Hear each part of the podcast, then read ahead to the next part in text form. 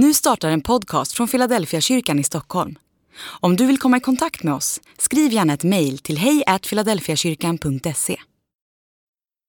Dag 18 Han uppenbarade sin härlighet och hans lärjungar trodde på honom.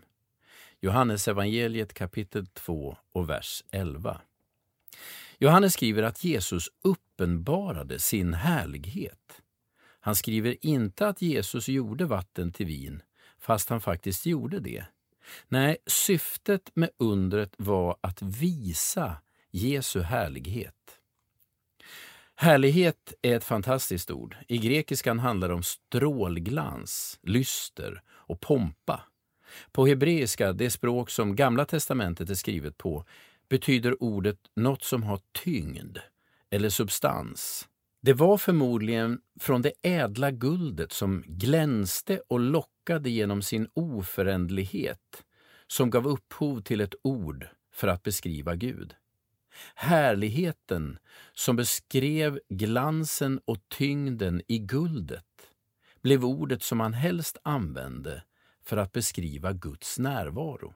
I Guds närhet finns någonting oföränderligt och strålande, något som har tyngd och värde i en tillvaro där allt rostar eller faller sönder.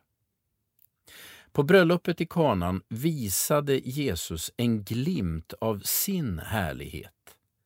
När han förvandlar vatten till vin på en enkel bröllopsfest, då lyser Guds glans in i vår värld med ett löfte om att allt han rör vid kan förvandlas till någonting värdefullt och oförstörbart. Det som framstår som luft, som saknar tyngd och värde, kan Jesus röra vid så att det smittas av hans härlighet. Det är budskapet till dig från bröllopet i kanan. Andlig övning.